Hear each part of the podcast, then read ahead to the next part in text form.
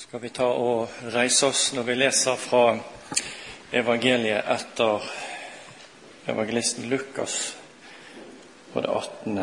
kapittel, vers 31. Han tok de tolv til side og sa til dem:" Se, vi går opp til Jerusalem, og alt som er skrevet av profetene om menneskesønnen, skal oppfylles. For han skal overgis til hedningene og bli hånet og mishandlet og spyttet på.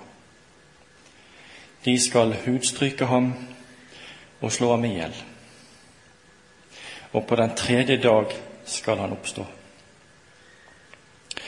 Men de forsto ikke noe av dette. Og dette ord var skjult for dem, og de skjønte ikke det han sa.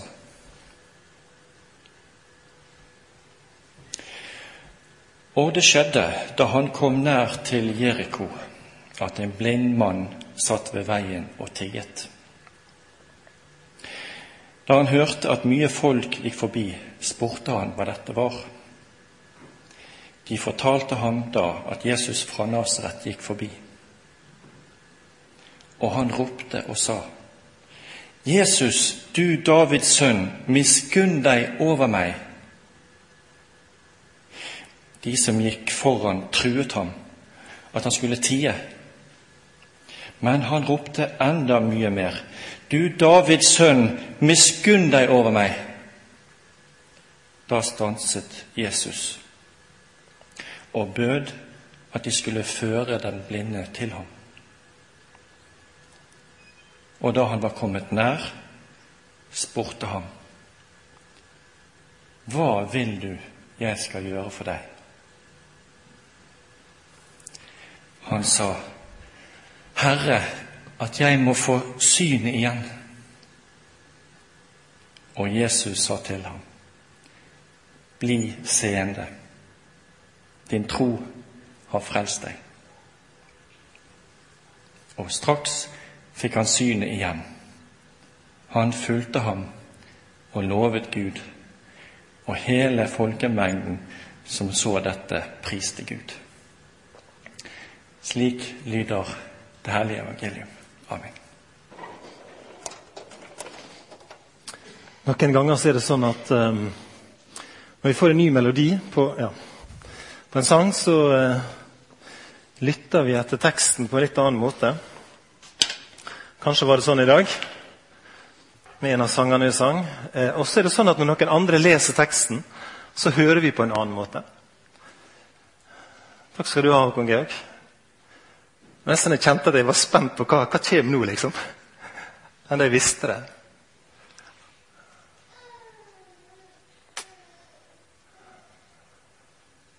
Her er det bare du som veit hva som kommer nå, egentlig. Bare du som veit hvordan du vil møte enkelte mennesker i dette rommet akkurat nå. Her er det bare du som veit hvordan du skal møte barna på søndagsskolen. Men vi veit at du er her, og du sier 'Hva vil du jeg skal gjøre for deg?' Her vil du møte noen mennesker, gjerne på djupet, Herre, denne formiddagen. Jeg ber om det i ditt gode navn. Amen. Jeg skal starte med et sitat på engelsk i dag. John F. Kennedy sa en gang Don't ask what America can do for you. Ask what you can do for America. Det sa han i sin tiltredelsestale i 1960. John F. Kennedy tiltrådte, og jeg ble født samme år. Ikke spør hva Amerika kan gjøre for deg, men spør hva du kan gjøre for Amerika. Den setninga har faktisk kverna opp i hodet mitt ganske mye. Og det er mulig, jeg tenker det, det er mulig at det er den setninga som på en måte eh, følger Jesus idet han trår inn i denne verden. Ikke spør hva Nasaret skal gjøre for deg, men spør hva du kan gjøre for Nasaret. Ikke spør hva, du, hva, det, hva dine egne kan gjøre for deg, men spør hva kan du gjøre for dine egne. Jesu liv handler om å leve for andre mennesker. Han gjorde noe mens han levde, og han gjør fortsatt noe for oss i dag. Så handler det om i denne teksten her, to forskjellige bilder, egentlig. To forskjellige situasjoner. Parallelt med at Jesus griper inn fysisk og gir synet tilbake til en mann i Jeriko, så handler det også om det han skulle gjøre for oss i forhold til korset og døden.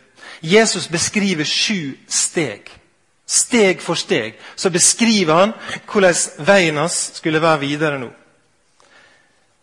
Han skulle gi oss til hendene på hedninger. Er det første. Han skulle bli spotta, står det. Og Vi kan lese i Lukas 22, vers 63, at mennene som holdt vakt over Jesus, spotta han og slo han. De batt for øynene hans og sa, 'Nå kan du være profet.' Hvem var det som slo deg? Og de håna han på mange andre måter. Jesus visste at ett av stegene opp til korset var å bli spotta og håna. Og I Lukas 23, 23,11 Herodes vanvøra han, forakta han og gjorde narr av han sammen med soldatene sine. Det tredje steget Jesus forutser og forutsier, er han skal bli mishandla. Lukas 23, vers 24. Pilatus dømte da at det skulle være som de krevde. Han slepte fri den de ba om, han som satt fengsla for opprør og mord. Men Jesus gav han over til dem så de kunne gjøre med han som de ville. Og vi veit hva de ville, og vi veit hva de gjorde. Han ble mishandla. Neste steg han skulle bli spytta på. Markus gjengir det sånn i kapittel 15. De slo han i hovedet med en stokk. Tøffe ting, det. De slo han i hovedet med en stokk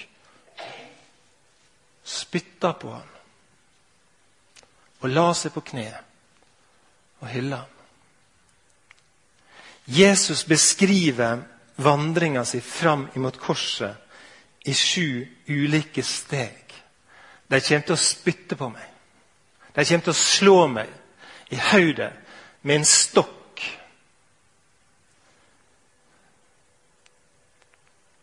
Og han skulle bli piska. Hudstrøken 39 slag. Like inn nær sagt, i djupet av, av, kroppen. Pilatus ville gjøre, gjerne gjøre folket til lag, står det i Markus 15, vers 15.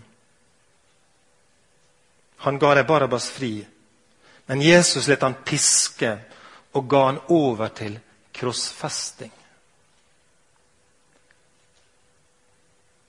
Slått i hjel. Tilbake til Lukas, som sier det sånn. Da de kom til den staden som heter Hovedskallen, krossfester de både han og brotsmennene. Den ene på høyre side og den andre på venstre side. Steg for steg. Dette er det som skal skje med meg, sier Jesus. Og så kommer der en oppstandelse etter det. Steg sju. Da skal han stå opp igjen. Og så sier Jesus at alt dette her som skal skje, det skjer nøyaktig slik som det har vært profetert. Det har vært forutsagt. Og det er til å bli både ydmyk av eh, og eh, Det er utrolig å lese hvordan profetiene går i oppfyllelse ned i minste detalj.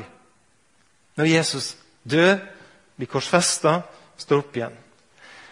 Det vi har tegna et lite riss av nå, det er det Bibelen kaller for evangeliet. Det at Jesus lir, at han dør for mine og dine synder, at han står opp igjen og gir oss et levende håp, det er evangeliet, dere. Det er de gode nyhetene.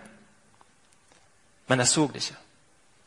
De så det ikke. De hadde nær sagt noe for øynene. Det står jo om Emmaus-vandrerne et annet utrolig flott nynorskord. da, som står at de var som synkvervde. Er ikke det et flott ord? Altså, de, de, de så det ikke. Og Sånn var det her også. De så ikke det Jesus nå talte om. Men, og så henvender Jesus seg på en måte til eh, Ikke til det fysiske blikket, men han henvender seg til det som vi kan kalle for hjertet sine øyne når han taler om evangeliet. Det står faktisk noe i Bibelen om at hjertet vårt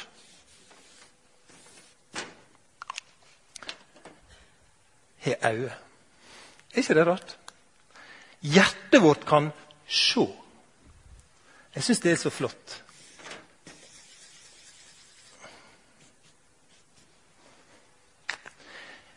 Det er det Jesus ønsker, at vi skal se dette. Det som heter evangeliet. Det at han lir, det at han dør, og at det er for deg. Det er for deg. Jesus lir og dør for deg. I Efeserbrevet 1,17 så, så skriver Paulus det. Jeg ber om at vår Herre Jesu Kristi Gud, herligdommens Far, må la dere få den ande som gir visdom og åpenbaring, så dere lærer Gud å kjenne. Han gjeve dykkar hjerte opplyste øyne. Hjertet har noen øyne, sier Paulus. Og han ber om at de må bli opplyst og opplatende, så vi ser, ser det Jesus talte om. Det som disiplene ikke så. At Jesus lir, at han dør for deg og meg.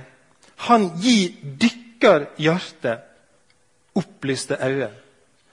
Så det kan skjønne, så du kan skjønne. Noe av målet med å forkynne evangeliet Altså Det er ikke sånn at det å forkynne evangeliet og det Jesus har gjort, det kan vi bestemme oss for å ta tak i og gripe.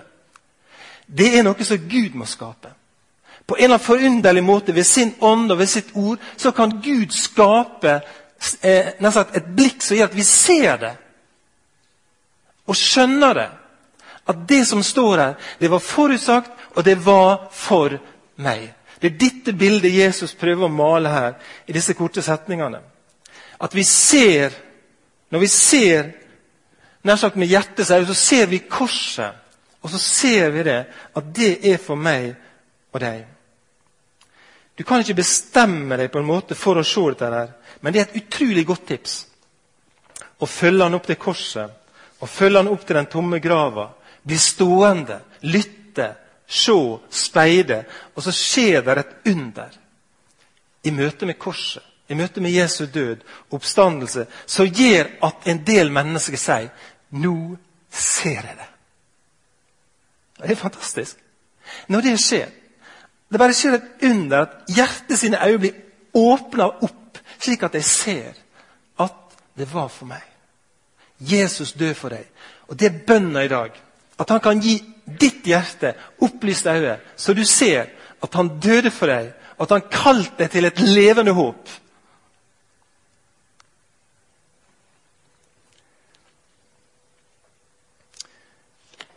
Don't ask what America can do for you. Ask what you can do for America. Ikke spør hva folket kan gjøre for deg, Jesus, men spør hva du kan gjøre for folket. Og så dør han for et helt folk. Så dør han for deg, og så dør han for meg. Det var John F. Kennedy sin tiltredningstale. Han sa dette. Når Jesus stiger inn, så har han også en slags programtale. Jeg har blitt minnet på det et par ganger denne vika. Et par ganger jeg blitt minnet på det som Jesus gjorde når vi leser Lukas 4. At han eh, tok en bokrull og Så åpna han, og så begynte han å lese. Eh, fant plassen der det står at 'Herrens ande er over meg'. Han har salva meg til å forkynne en gledebudskap for fattige. Han har sendt meg for å rope ut at fanger skal få fridom, og at blinde skal få se. For å løse de trelka av tvang og rope ut et nådens år fra Herren. Det er det jeg skal gjøre for folket, sier Jesus. Når han stiger fram, så er det dette som er hans program. Han skal gjøre det som han nå leser. Rope ut at fanger skal få frihet. Gledesbudskap for fattige. At blinde skal få se. At blinde skal få se evangeliet, ja. Og at de skal få synet tilbake, slik som skjedde med denne blinde karen. Som vi, las om i andre, eller vi hørte om i andre del.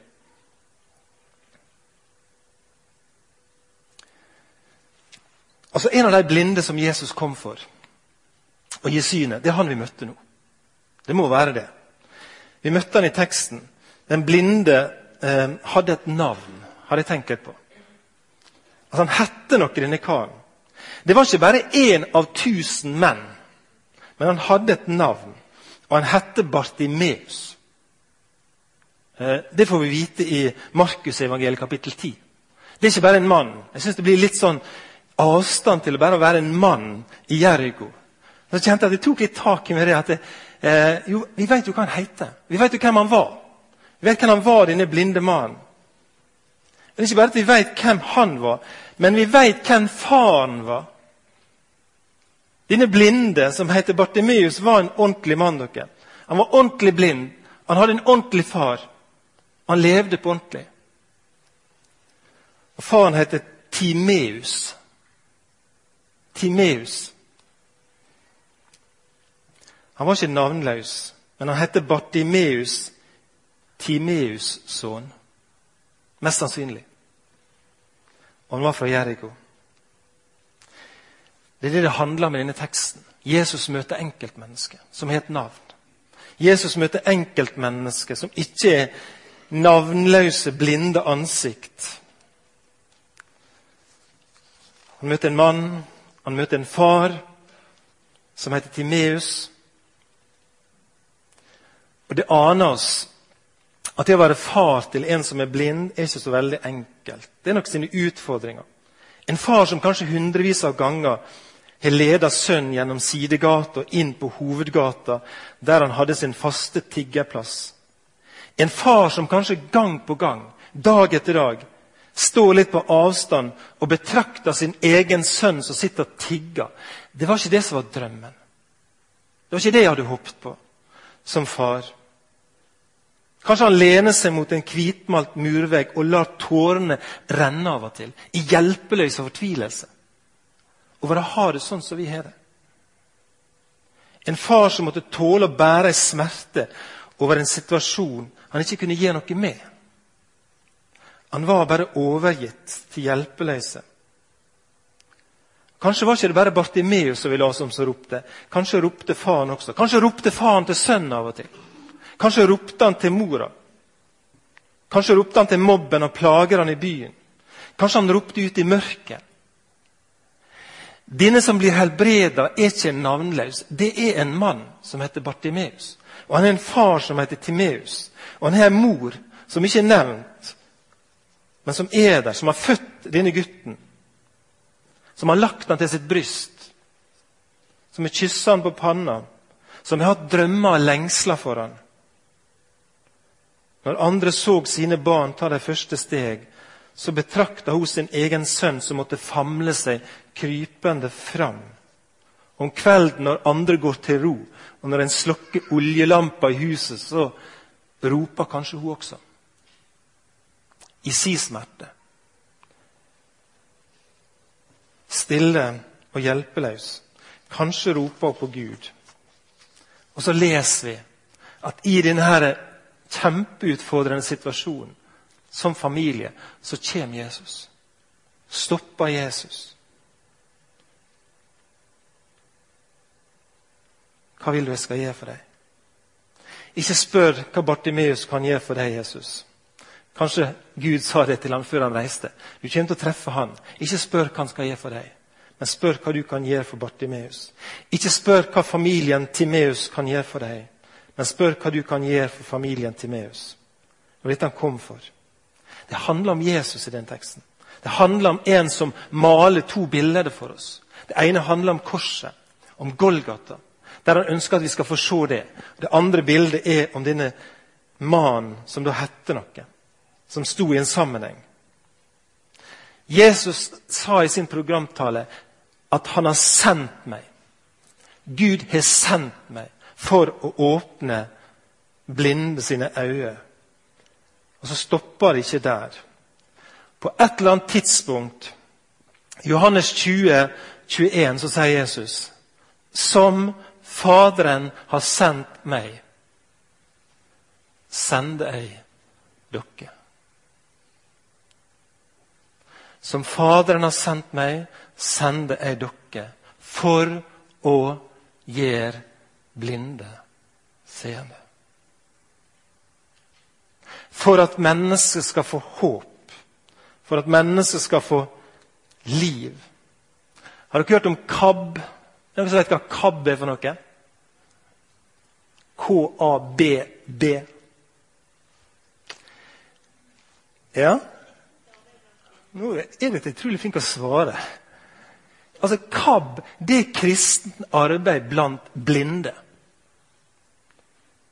Og De driver et stort arbeid, et flott arbeid. Djupest sett tenker jeg det er det vi holder på med. Det er det vi holder på med. Vi holder på med et arbeid for at mennesket skal bli seende. Et kristent arbeid for at mennesket skal se evangeliet. Og for at mennesket som på en eller annen måte er forblinda, skal få se lys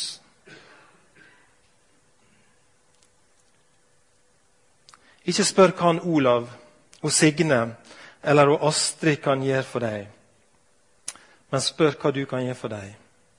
Ikke spør om hva familien Larsen kan gjøre for deg, men spør hva du kan gjøre for familien Larsen. Ikke spør hva Bergen kan gjøre for deg, men spør hva du kan gjøre for Bergen. Det måtte være noe sånt det skulle ha stått hvis det var ei ega diakonibefaling i Bibelen. Tror ikke dere det? egen diakonibefaling. Ikke spør hva de kan gjøre for deg. Og så tenker jeg, som sikkert mange andre tenker, der er mange måter å være blind på. En ting er å ikke se evangeliet, være fysisk blind. Men vi kan være svaksynte og blinde på så mange områder. Kan vi ikke det? Det kan slå seg på følelseslivet vårt. Det kan slå seg på viljen vår. Det kan slå inn i personligheten vår. Vi ser ikke hvem vi er sjøl, og hvordan vi opptrer. Og det kan slå seg på tanken vår. Vi kan tenke oss blinde i ulike situasjoner.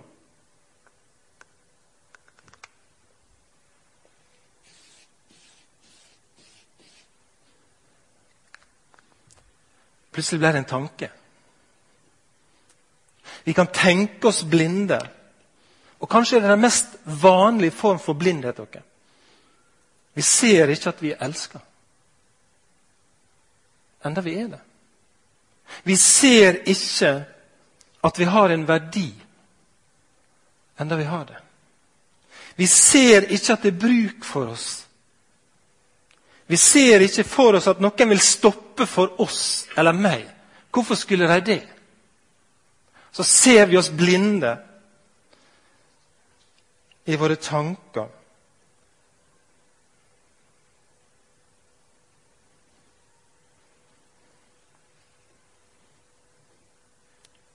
Det stopper opp for oss. Vi kan føle oss mislykka, usikre, mindreverdige. Og en mer alvorlig form kan vi kalle depresjon. Jeg har tenkt meg blind. Det er ikke alltid så godt å si hvorfor det blir sånn. Men noen ganger henger det sammen med måten et menneske er blitt møtt på. Eller mangel på det.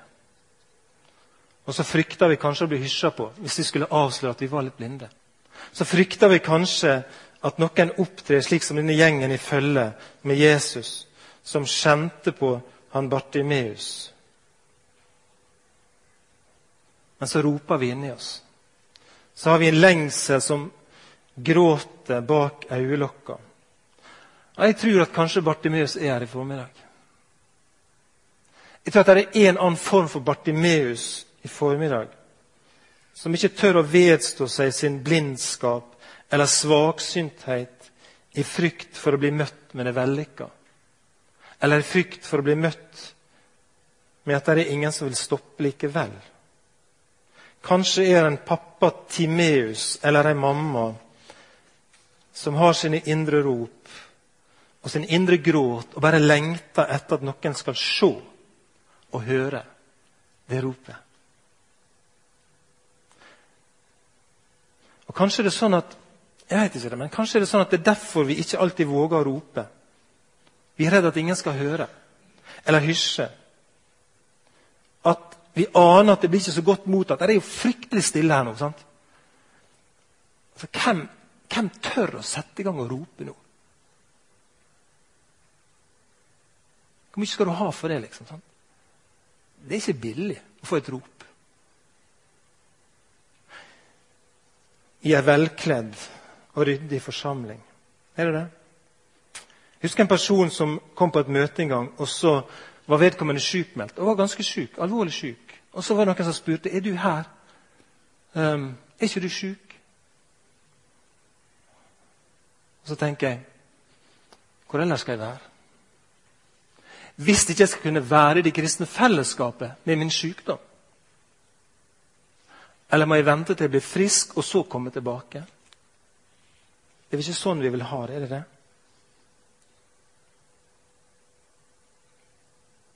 Jesus stoppa opp, står det.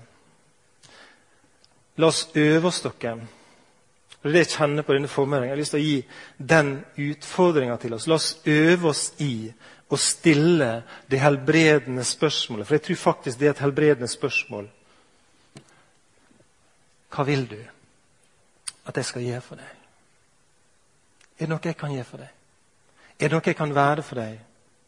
Er det noen steg jeg kan gå sammen med deg? Vi kan gjøre som de gjorde etter hvert. De leda Bartimeus til Jesus. Røyste han opp? Jeg tror at Gud vil ha oppreist mennesker. Jeg tror at Gud vil at vi skal røyse oss.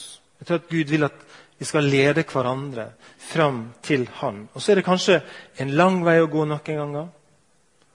Andre ganger er kanskje veien kort, og det kan skje mange gode ting på den vandringa der. Men den leder inn imot Han som kom for å gi oss åpne øyne. For å sette fanger i frihet. For å rope ut et nådens år fra Herren. Og Da kan vi be den bønnen av dere i dag, som ble bedt i teksten. Herre, miskunn deg over oss. Kyrie eleison. Herre, miskunn deg over oss. Jeg drømmer om det. Jeg drømmer om et fellesskap der vi skal få bli ledet til Han og få synet vårt, se evangeliet, Se hva han har gjort for oss på korset.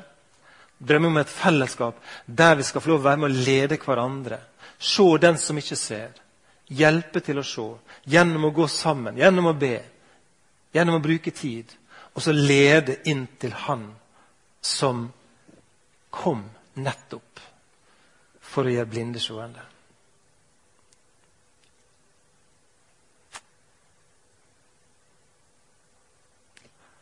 Det var det jeg tenkte å si i dag. Så får du, Herre, tale til oss fortsatt.